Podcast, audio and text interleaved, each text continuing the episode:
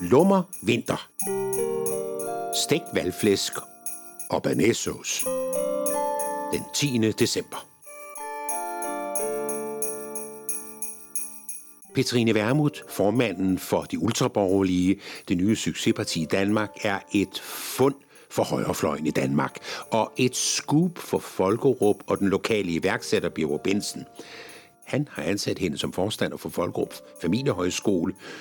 Det er hende, der fik tilføjet det der med højskolen for ægte danskere.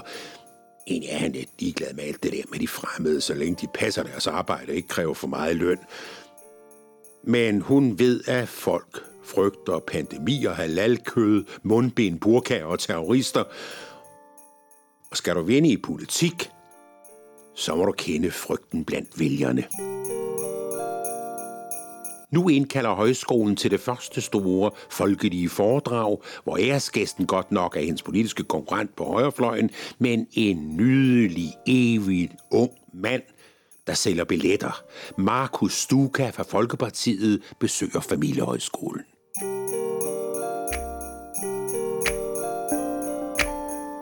Det bliver en lummer vinter For under sneen forstummer de dumme klummer Der tænder som mundtunger Forhindrer det unge under der glimter hvad er det jeg siger? Er det mærkeligt at jeg mærker det skriger? For det er forfærdeligt at vi færdes på stier. Hvor de bjerg vi bestiger Er et bjerg. Tiger tiers kamp for værdier Så jeg siger. Jeg siger. Det bliver en lummer vinter. For under sneen forstummer de dumme klummer Der tænder som mundtunger Forhindrer det unge under der glimter. Hvad er det jeg siger? Men er det mærkeligt at jeg mærker det skriger? For det er forfærdeligt at vi færdes på stier. Hvor de bjerg vi bestiger Er et bjerg. Tiger tiers kamp for værdier Så jeg siger. Det bliver en lummer vinter. Det bliver en lummer vinter.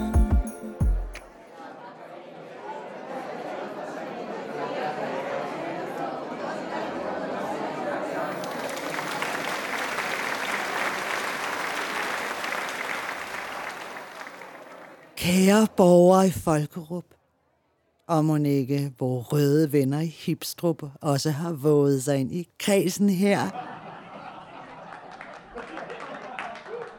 Der bliver grinet, da den evigt smilende og velklædte værmut byder velkommen. Ingen kan som hende forene erotisk udstråling med politisk autoritet. Selv Biver Bensen, skaberen af Folkerup Familiehøjskole, højskolen for de ægte danskere, kan ikke helt frigøre sig fra en vis jalousi, når hun giver dagens foredragsholder, Markus Stuka fra Folkepartiet, en tæt krammer ved ankomsten. Ja, det er jo lattermildt med den følelse. Stuka ligner som altid den sidst ansatte lærer på gymnasiet, og har alene sine udfordringer med straffelovens bestemmelser om svig og dokumentfalsk. Men i krænkelsestider er han ren som håndsprit. De få gæster fra Hipsted slår blikket ned under Værmuts diskrete drilleri. Kun boghandleren Ditte Roma fra Hipsteds mest radikale inderkreds og indehaver af bog- og papirhandlen, som hun har lejet sig ind i, i en stor del af den gamle stationsbygning, kigger skarpt og direkte på forstanderen, som lægger mærke til det, men ikke aner, hvem den stærkt rødhårede provokatør er. Markus Stuka er højrefløjens elegantier ikke en tyklået vægtløfter, snarere en frontkæmper på floret med statur som en balletdanser.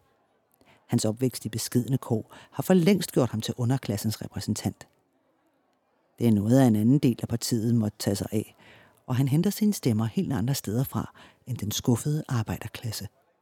Det er den begavede, nationalkonservative højrefløj, som er vokset i partiet i takt med uddannelsesniveauet blandt de unge.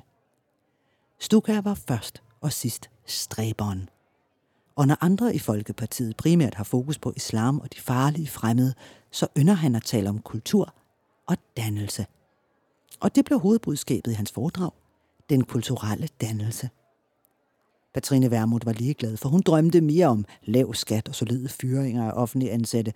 Hun forberedte sig på hans partis sammenbrud, og med lidt held en fodlænke i hans baserende straffesag – så hun kunne lokke den fremragende retoriker ind i sit eget parti. Og Benson, han var ved at falde i søvn. Han venter bare på en større frihed for erhvervslivet, så hans evige kampe mod økosocialisternes regeltyranni en dag vil resultere i en lettere gang på den jord, han selv ejer og har betalt. Det her højskoleforedrag. Det deltager han i for Petrines skyld. Ja, ikke engang konen gad møde op til et politisk vækkelsesmøde, som hun håndligt havde karakteriseret det. Foredraget tog den time, som sådan noget må tage, for ikke at kede deltagerne. Og så var der spørgetid.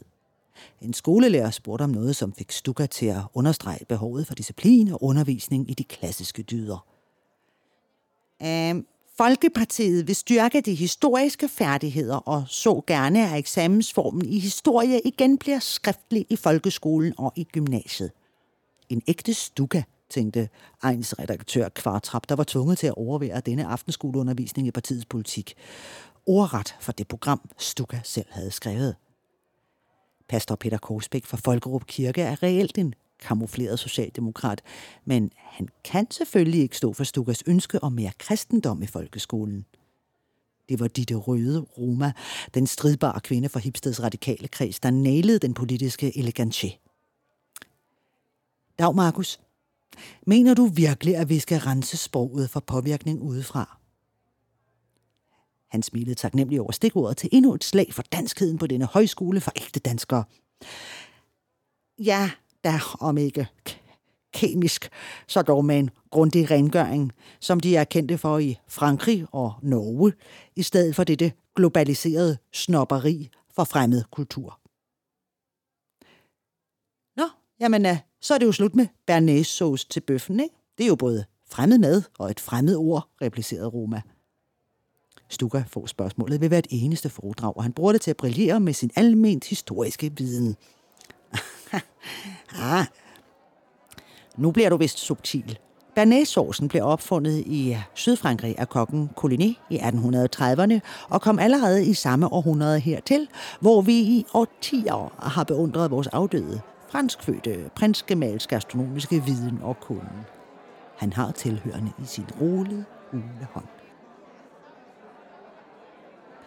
Øh, men lige et sidste spørgsmål, Markus, insisterer Røde Roma, mens Værmut begynder at vise tegn på utålmodighed. Kender du ordet partiskhed? Ja, selvfølgelig gør jeg da det, siger Markus Stuka selvsikkert. Øh, jeg kan se i jeres kulturpolitiske oplæg, at du kritiserer ministerne for at bruge ord som game changer og doorstep. Stuka smiler og nikker. Ditte Roma har trukket floretten frem og stikker til. Hvorfor i alverden skriver I så direkte i jeres forslag til kulturpolitik, at der skal i gang sættes en undersøgelse af bias på danske universiteter? Moderne engelsk slang, hvor du lige så godt kunne bruge ordet partiskhed. Et anstrøg af usikkerhed i partiideologens blik. Kun elegantien kan hjælpe her. Touché. Ja, det kan jeg så fortælle, at fransk og betyder ramt. Røde Roma har scoret. Værmut trænger i nødbremsen. Og så er der kaffe, og vi siger tak til Markus Stuka for at have taget turen til Folkerup.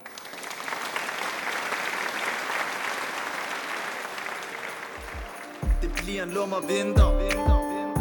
Det bliver en lummer vinter. Lyt med i morgen til næste afsnit af julekalenderen Lummer Vinter.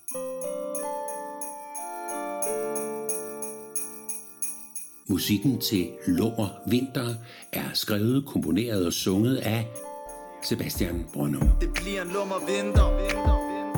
Det bliver en lummer vinter.